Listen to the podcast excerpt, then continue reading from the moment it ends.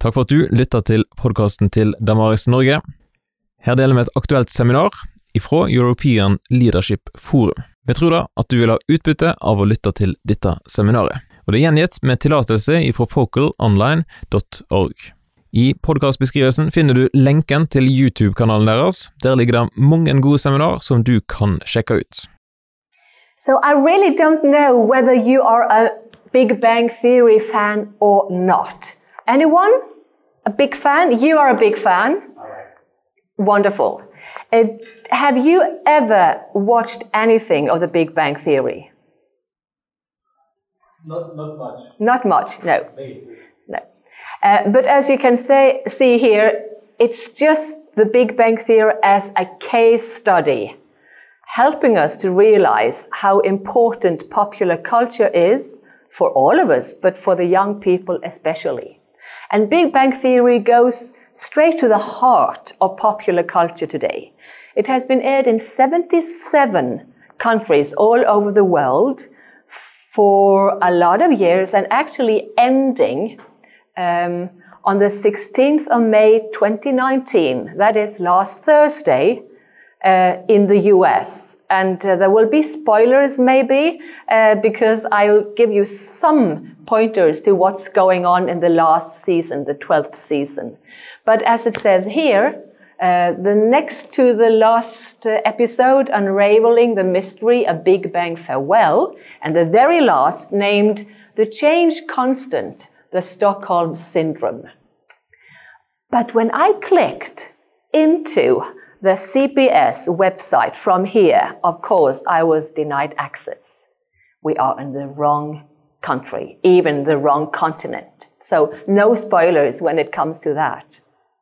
Uh, but these nerds living in um, Pasadena, California, working as scientists, and I say nerds because that is how they are portraying themselves.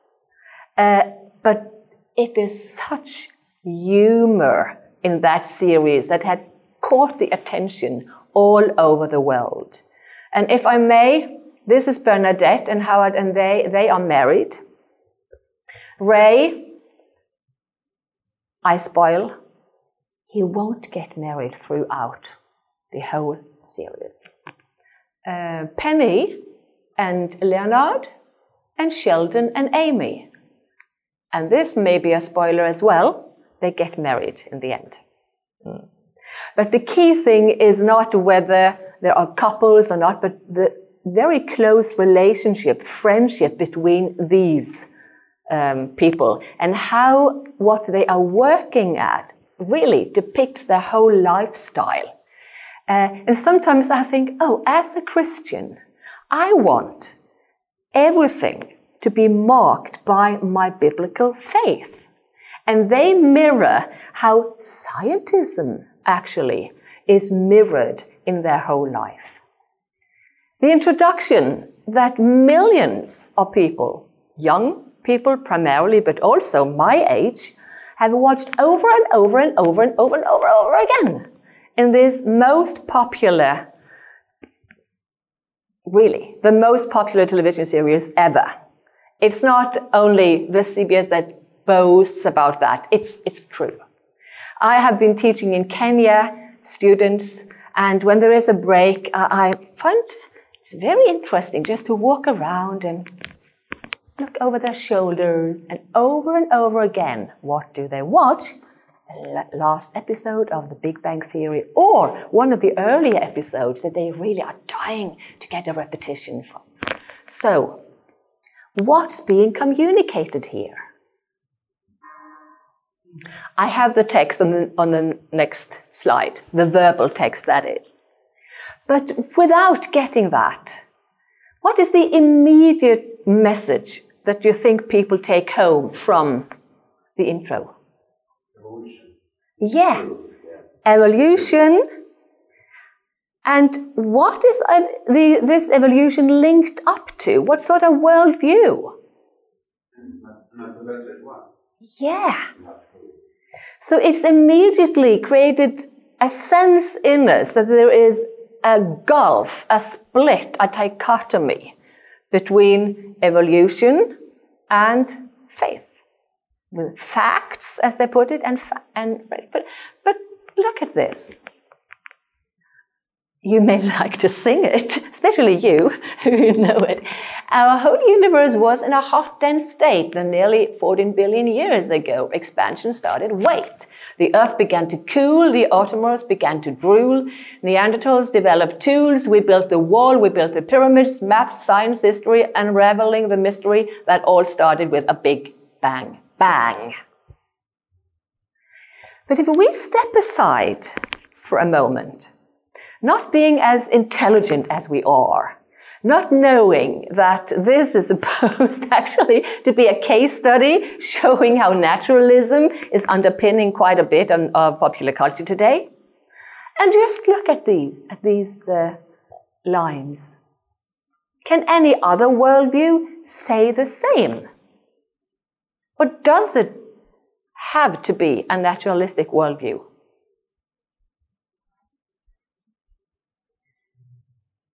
I think, yeah. Exactly.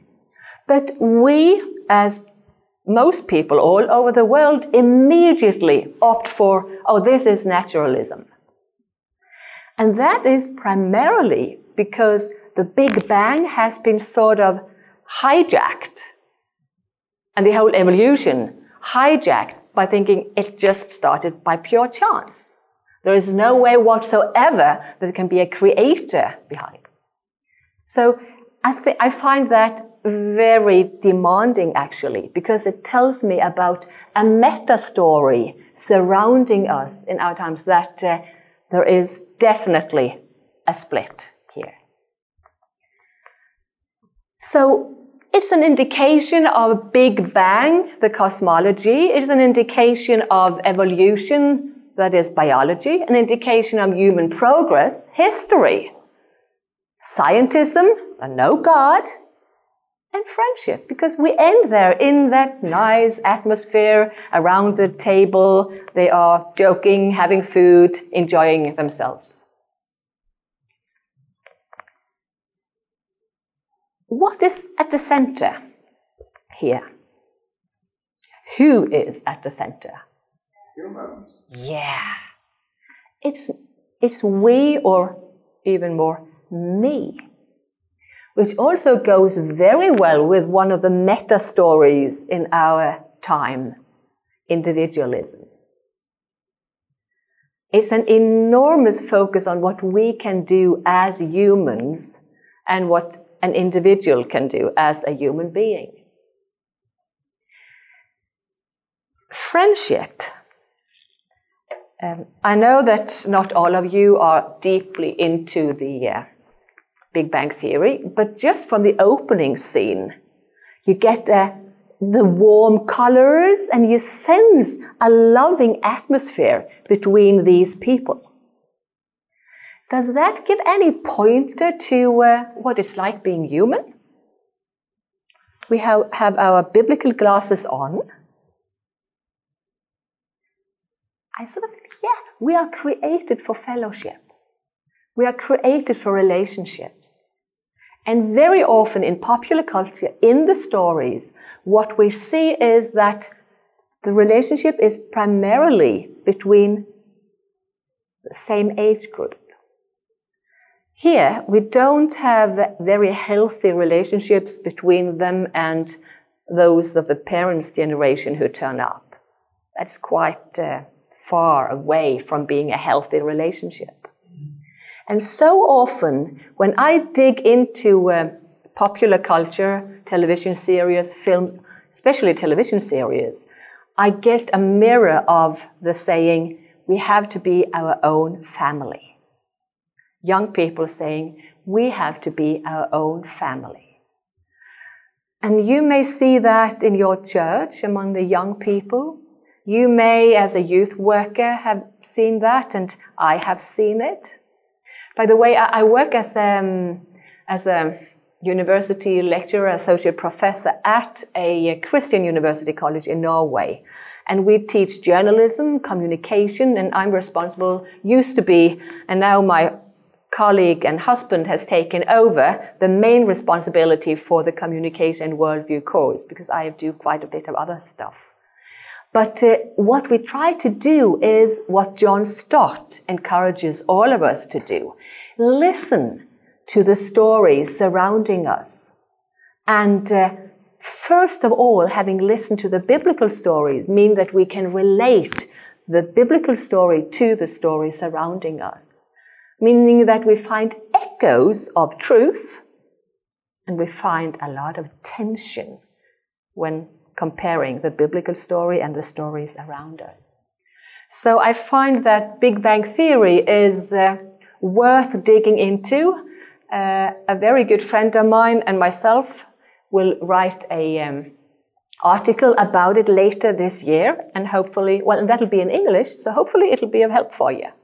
But what about young Sheldon? It's very funny, uh, and he's very smart. And of course, he is supposed to be Sheldon at a young age. So it's a spin-off of the Big Bang Theory. They found out that it would be great to show the environment that Sheldon was supposed to be raised in, with a mother quite conservative in a um, Baptist setting in Texas. And he being so smart that he keeps asking questions to the pastor. And as you rightly put it, the pastor always comes out as the underdog. Always. And I think that quote is quite telling. Uh, it's from a church setting where young Sheldon raises his hand and sort of arrests the pastor in the midst of the sermon. And then kind pastor invites Sheldon up front and they sit down on the two stairs and, and they talk things over. That is, it's not a proper dialogue. Sheldon saying, science is fact, religion is faith, I prefer facts. And that particular episode, Sheldon goes out from the church and, and you can hear him thinking and promising himself, I will dig into the facts and keep on asking questions. And if we just pause for a moment, now that young Sheldon is out, it came from 2017, and it'll be spread to more and more countries as we go along. What does that give of an impact and uh, an image of the Big Bang Theory? Promoting it into the specific direction so that we get an even stronger message of religious faith, specifically the Christian religious faith, the biblical faith is a blind faith. Whereas science has nothing to do with the God. Science is facts. Faith is just blind faith. So for me, this is a challenge when it comes to work with the, the youngest generations because they love young children. As I said, my colleague and I, Ingvild, we are about to write um, really in-depth analysis of the Big Bang Theory. She did a very good survey earlier from the first um, episodes, figuring out that what's being expressed in the Big Bang Theory is scientism, belief in science as an infallible source of knowledge and truth. And at the same time, the television series devalues religion and Christian faith as naive beliefs with no reference to reality. So that is sort of wrapping up her research in the first place. It's not all that has to be said. And throughout, when she does the analysis, there are a lot of things to confirm. But that doesn't mean that we stop by all the good things that we confirm that we address the tensions and we would like to take the next step, showing what is really the truth and helping the young peoples especially. Well, introduction, that refers to what's on your app. Uh, because I wanted us to be drawn into the Big Bang Theory before we see a bit more of uh, what is meant by stories and worldviews, by popular culture and the genre, and then we will see quite a few clips and discuss. Is that an okay way forward? I might even put on my watch so that I make sure that we have the time. Stories and worldviews. Jesus told stories. The Bible is full of stories, and we talk about the meta story of the Bible the creation, the fall, the salvation, and the wonderful day when everything would be just perfect. And all other stories in the Bible linked to the meta story of the Bible. So the biblical authors, God told stories. Jesus told stories, the power of stories. Ben Okri from Nigeria, but living in the US, UK, he has won a lot of awards. He's such a wonderful writer, and he knows what, he, what he's doing. He says, Stories are the secret reservoir of values. Change the stories individuals and nations live by and tell themselves, and you change the individuals and nations. So we have already pointed out a very important story in the West of today. The story about putting me in the center, the story about uh, thinking of religion as something that may be good for you if it functions for you, but it's blind anyway. Whereas science is fact. This dichotomy between faith and fact.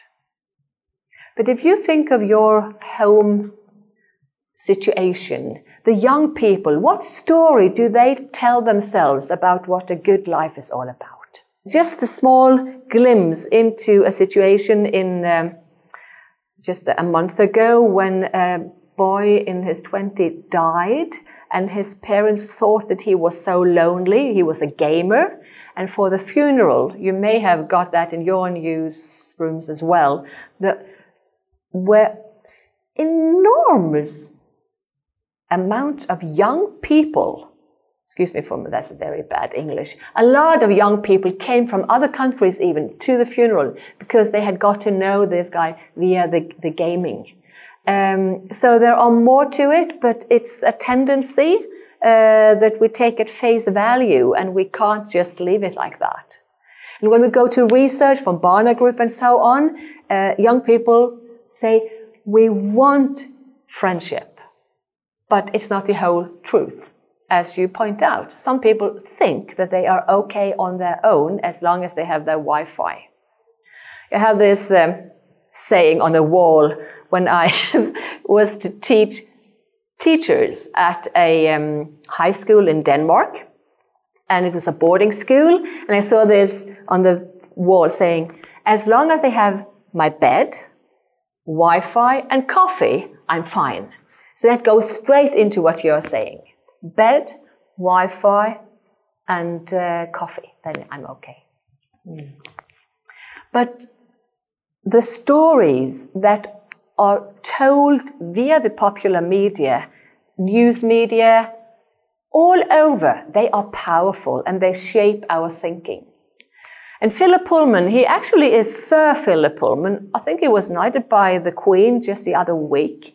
You may know him via um, Dark Materials. You maybe you saw some of the films earlier. But the key thing is that he is a well-known, very clever writer he has a wonderful pen. That's why he has won so many awards. And he knows exactly what he wants with his writing, with his stories. He will teach that all religion is false, even dangerous maybe, at least it's false. So all stories teach, he says. And I line up with him, say, yeah, he's right. All stories teach, whether the storyteller intends them to or not. They teach the world we create. They teach the morality we live by. They teach it much more effectively than moral precepts and instructions. So he knows what he is doing. Do we know what we are doing when we tell stories from the pulpit or face to face with people? When we frame our message in a story? It's powerful. Let's be aware of not manipulating. It's a wonderful tool. And a lot of research today, when it deals with how young people develop their worldview, The researchers point towards the stories in popular culture as much more important than what's being communicated in their homes and in churches and schools. So that is also something for us who are involved in, in church settings to remember. We should listen to what's being communicated in these powerful stories, link up to them. Because they are not just entertainment. Underneath, there's always more to it, a message. Whether the author, the scriptwriter, is aware of it or not. And that's quite tricky, isn't it? Because we can easily, oh no, it's just entertainment, and I'm sure they just want to, to earn some money. But if we take into face value that it's impossible not to have a worldview, every person, whether you would like to say that a worldview is like glasses that we view everything through, or lenses, or a frame for our work, or the platform, there are so many ways of illustrating what a worldview is all about it's impossible not to have a worldview. And therefore, it will shine through, as um, Philip Pullman says, either the one writing intends them to or not, it will shine through. And there will be a message there that is rooted in worldviews. Capital worldviews, because very often in these stories, we find traces of different worldviews. And sometimes it's very clear this is the one. Is this an okay um, indicator helping us to be uh, uh, sure of what we are doing? We are not forcing our views on the texts. An atheist like Philip Pullman, and we could quote a lot of people who say just the same. And they say it because it's impossible not to have a worldview. Uh, here is James Sire's way of putting it. Uh, here at ELF, we have a lot of different definitions, and even I have been working on this, and I could have given you one, but I think this one is great, specifically when we dig into stories. Because he says that a worldview, yeah, it's a commitment, a fundamental orientation of the heart, you know, the center of our personality, but it can be expressed as a story. And here we are linked up to the stories. Or we can have a set of presuppositions. The story bit I find very intriguing. There's assumptions which may be true, partially true, entirely false, but we hold them consciously or unconsciously about the basic construction of reality and that provides the foundation on which we live and move and have our being. And of course, we are all with Paul now, aren't we? we live and move and have our being. Paul quoting a poet from Greece, saying, Yeah, there are glimpses of truth here. If we take into consideration that everyone is created in the image of a creative God, there are glimpses of truth in what other people who hold quite different worldviews from the biblical create. Of course, sometimes it's really just rubbish, and you have to be very, very careful in order to figure out any true thing. But the truth can actually be oh, this mirrors sin, this mirrors the, the fall. It's still truth. So when we dig into the stories, we try to figure out what traces can we find within this story of a worldview story. So that is the key reason for me sticking to James Sire's uh, definition of worldview, because I find it so holistic. It's not, ju- not just the intellectual part, but it's the center of, of life, and it's where I actually move and live. So, in popular culture, we are exposed to so many stories that have traces of worldviews interwoven to it. They are influencers par excellence. Ted Turnau, Czech Republic, you may know him. We may all know him because he has been to ELF for many, many years.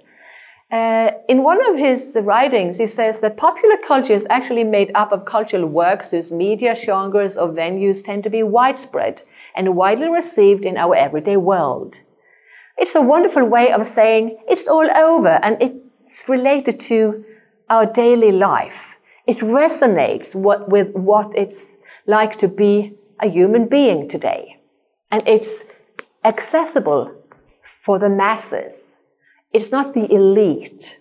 It's for you and me. Sorry if you belong to the elite, but it's for everyone.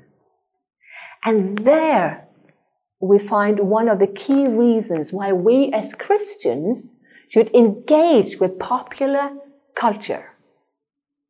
We often say that popular culture mirrors the society it helps to create. It mirrors the society it helps to create.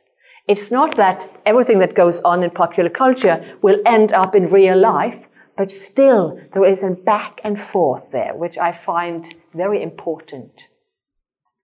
And he says in another way, popular culture is a system of texts that find their way into our everyday worlds, shaping our reality.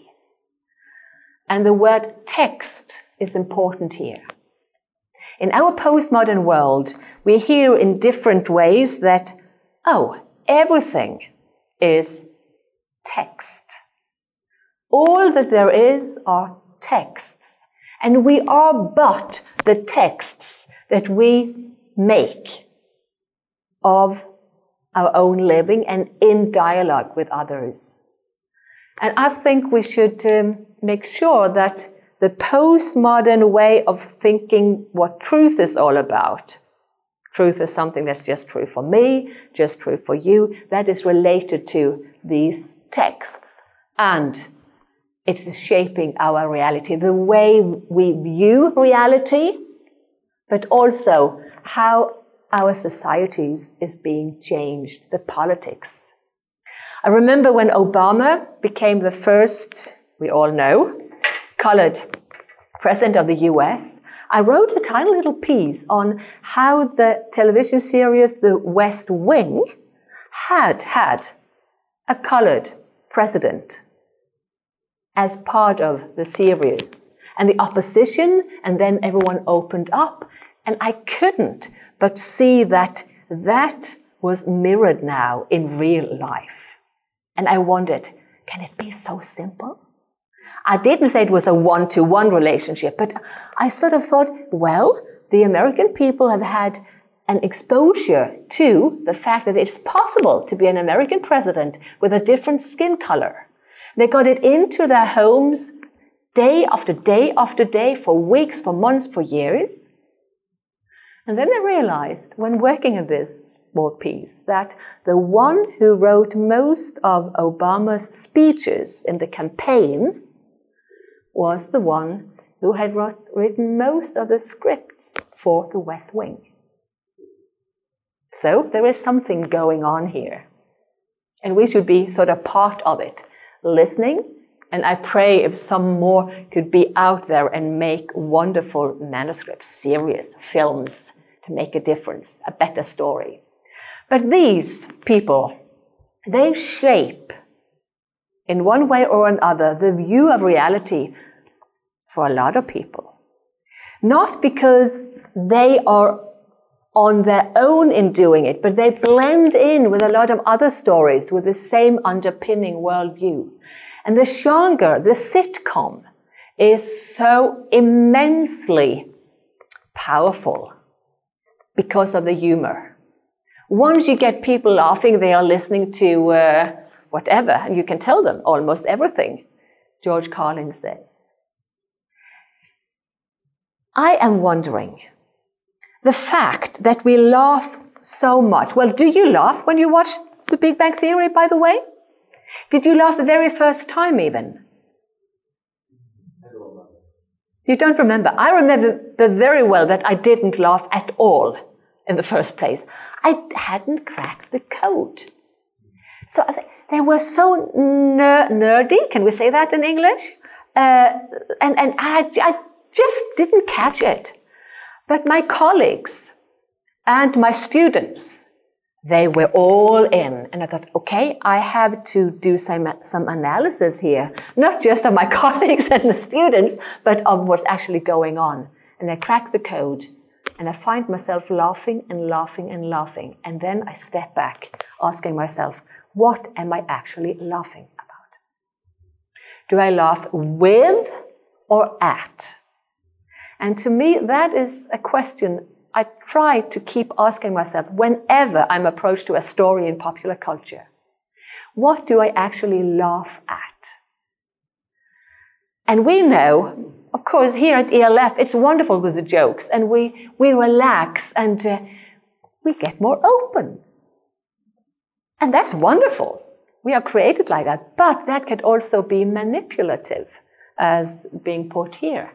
And I wonder, since we laugh at the way they act in their nerdy life when they try to apply scientism to their daily life, do we then actually realize that living according to pure naturalism or scientism is not possible? Or do we laugh and we put everything into the, um, the basket of the nerds so that we don't see that in one way the Big Bang Theory is portraying how naturalism is not functioning as a worldview in the daily life. What do you think of that? Did you understand my question? Because um, I nearly don't understand it myself. I'm sorry. do you see what I'm getting at? Because from one perspective, I wonder if we really look at what they are doing, their actions, what they are saying, they are totally helpless. If it hadn't been for Penny, they would have had great problems in just organizing themselves and live an ordinary life. So if we really dig into that, we see glimpses of how this worldview doesn't function on a daily basis. But honestly, I don't think most people see that. I think what they see is the main message that uh, fact is related to science and uh, faith is related to blind Naturalism as a worldview. Of course, we can go deep into that, but that's not why we are here. But they tend to view supernaturalism, you and me that is, as clinging to non-scientific, non-empirical justifications for beliefs, the opposite of objectivity. At least that is one clear-cut way of, of explaining it.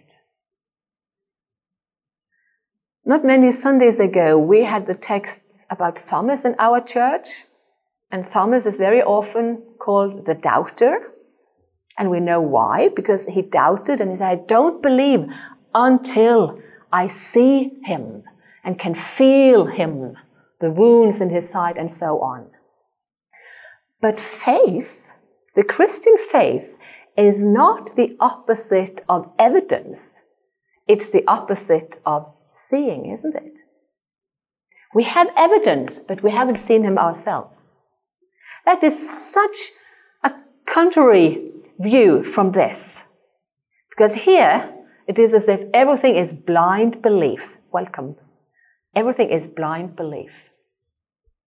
And it's Carl Sagan, the beautifully made Cosmos series, but such a heartbreaking entering point when he says the cosmos is all there is, all there ever was, and all there ever will be. And if we look carefully at the Big Bang Theory, we'll see traces of this.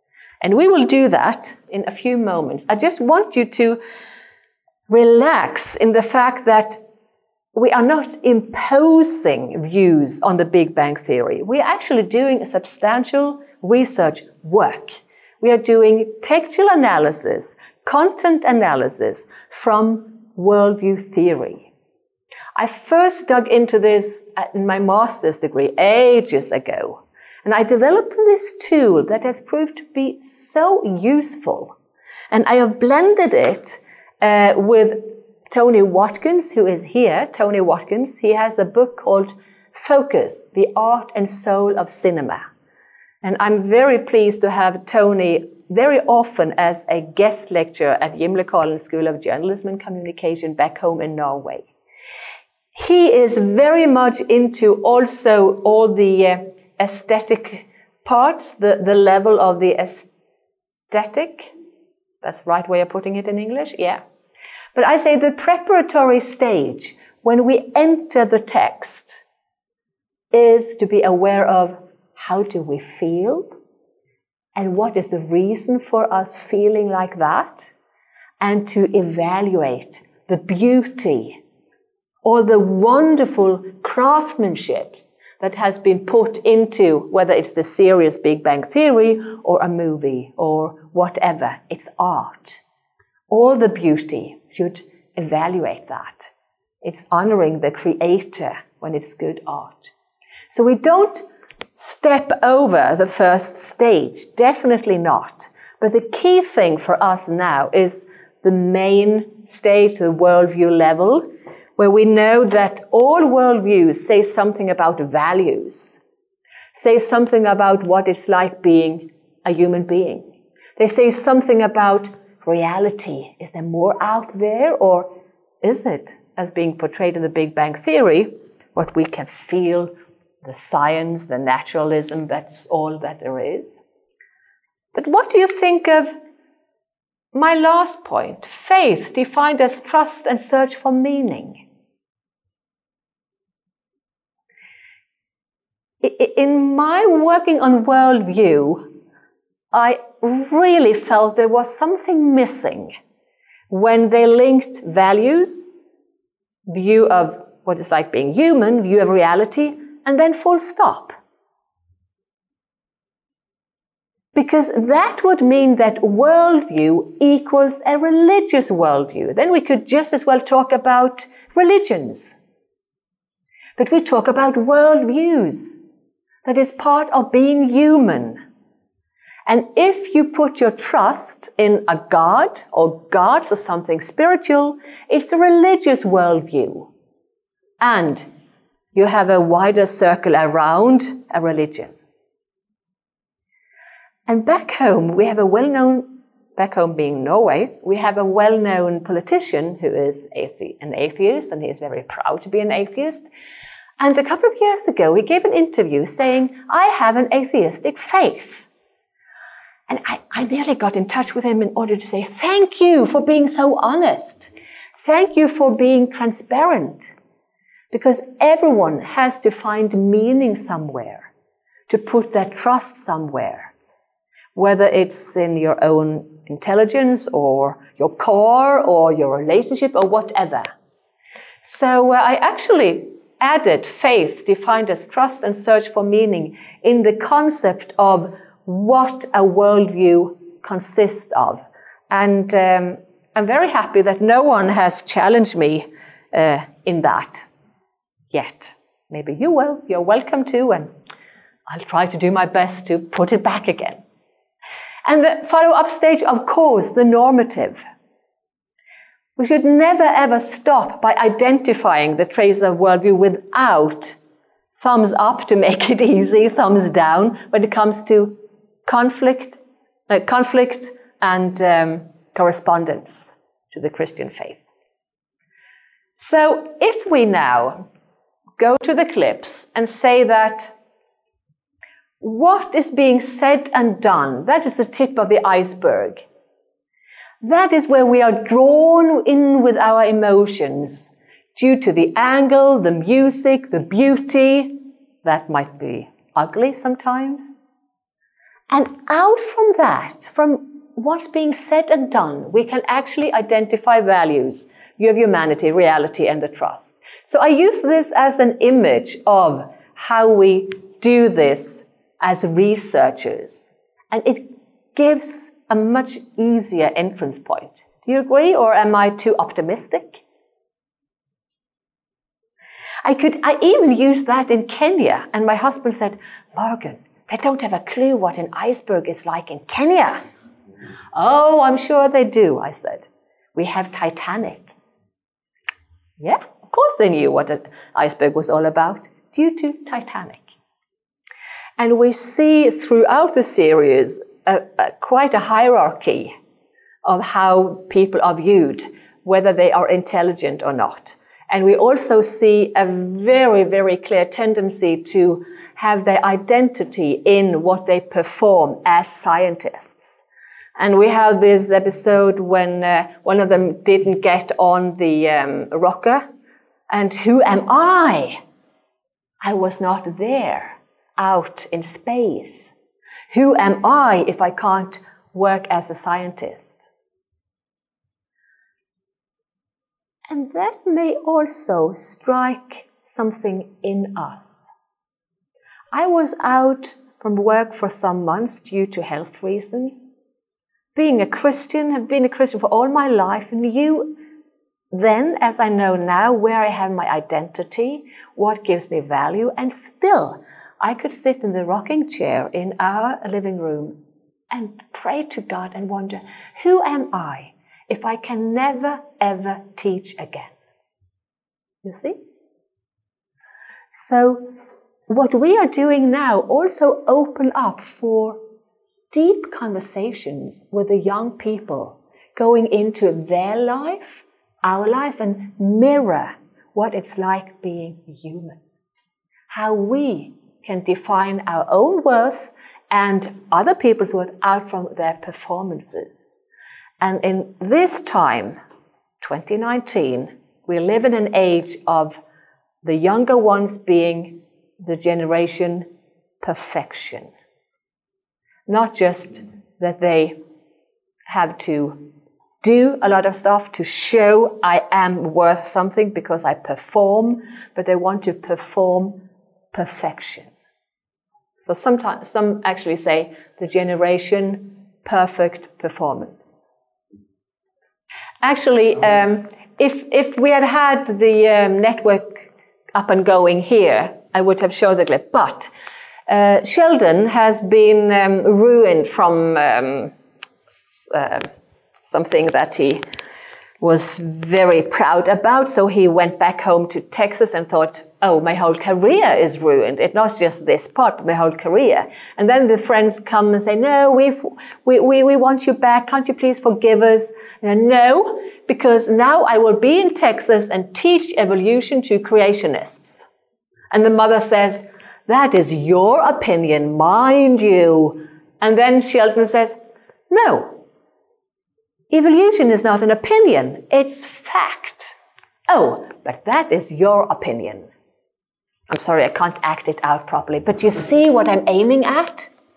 And what the mother does, she goes straight into a subjective view it's not the truth. Christianity is not the truth. It's actually just an opinion that she sticks to. And that challenges me. I think it challenges you as well. How easily we, in the midst of the multitude of religious and secular worldviews around us, without wanting it, withdraw and say, yeah, but that's my point of view. Jesus is true for me. It is actually the truth. The dominant naturalism, uh, well, you can get this as a PDF from me if you want to. Uh, it's just the end here. Uh, oh, sorry, the, the uh, very, very ironic Sheldon part saying, and then I believe that God created the world in six days, and on the seventh day, He made you to annoy me. So they have pointers to the biblical story, but it's always framed in humor and, oh, how stupid. How stupid. You know, there is a foundational idea in string theory that the whole universe may be a hologram. What do you mean? Well, the holographic principle suggests that what we all experience every day in three dimensions may really just be information on a surface located at the farthest reaches of our cosmos. So it's possible that our lives are really just acting out a painting on the largest canvas in the universe. What's that? Hard to grasp, I think, for most young people. But still, it's framed and covered in science. And I thought, yeah, that is it. But there is a longing.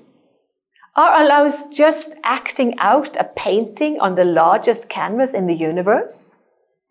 So there's a real pointer to what if scientism is true? Then that would be the case. So, for every thinking person relating to the Big Bang Theory, one sees how hollow the worldview is, both in the daily life and when it comes to these tough, tough questions. And that is also the other, what we had from the clip. I think you should make a finger like Saturn and put a ring on it. You know, it's just also the, the way of it showing that this is the right thing to do. It has to refer to science to make it proper. Undermining religion, and specifically Christian beliefs, as I said. And uh, this is nearly hard to, to say in English for us not being native English speakers. But the original title was a, re- a rederivation of Maxwell's equi- equi- equations regarding electromagnetism. I dumbed it down because some of the more religious people in town were starting to say I was a witch. So that taps into another story moving around about what intellectual people say and what religious is all about and what it means being a witch and so on. So it's there over and over and over again, and we should be aware of it. The larger picture, because this is just one out of many, many popular sitcoms and other genres in popular culture, but it is absolutely the most popular ever. And no one can come up to me and say, aha, but still it's the religious smorgasbord that should be of interest for us. We have this frame that is secular, and within that frame, people are really mm, searching for something more, but they pick and choose what suits them, and we know what the truth is all about. And we know that underpinning the textbooks, underpinning teaching in schools and the academy, underpinning the different stories in popular culture, there is a mixture of secular humanism, naturalism, all these secular worldviews. And if it's okay with you, of course, a blind religious faith is okay, but never ever relate that to real life and definitely not into uh, science or other subjects. So time is about off, up, up, I mean. And Tim Keller, his, his reflections are worth listening to. I quoted him actually in the outline. And I just very briefly now refer to a couple of sentences from him when he says that the misunderstanding of what Christianity is all about in culture today comes mainly from the stories in popular culture, but also in stories in the news. Stories. And we should identify and clarify and evaluate. That is what we are doing if we go into interpreting together with the young people. Ask questions. They are thinking persons. They are, they are trained to think and discuss in school. They ought to have um, what we call um, critical thinking uh, in plays because that is what they are taught in school. And when they come to our churches, why don't we challenge them with some critical thinking? Also, when relating our Christian faith to the stories in popular culture. So we should, I think, try to weave that into our teaching. That's what I try to do with the students and with the younger ones back home. And I think we have to do something along those lines. And that is the only way of doing our part in the formation of a new generation, God's generation, that is the future of Europe. And uh, I just pray God's blessing in our lives, personally, but also when it comes to relating both in the family, in our churches, in our neighborhood, to the younger ones who are so influenced by these stories and are easily, even though they are intellectually strong, but they're easily fooled by the dichotomy that is told over and over again faith, facts, split. And that creates a sort of um, cognitive dissonance, doesn't it? From what they are taught from you in your home and in your church about the biblical worldview and what they are taught in these stories. So I wish you all the best and God's blessing in that.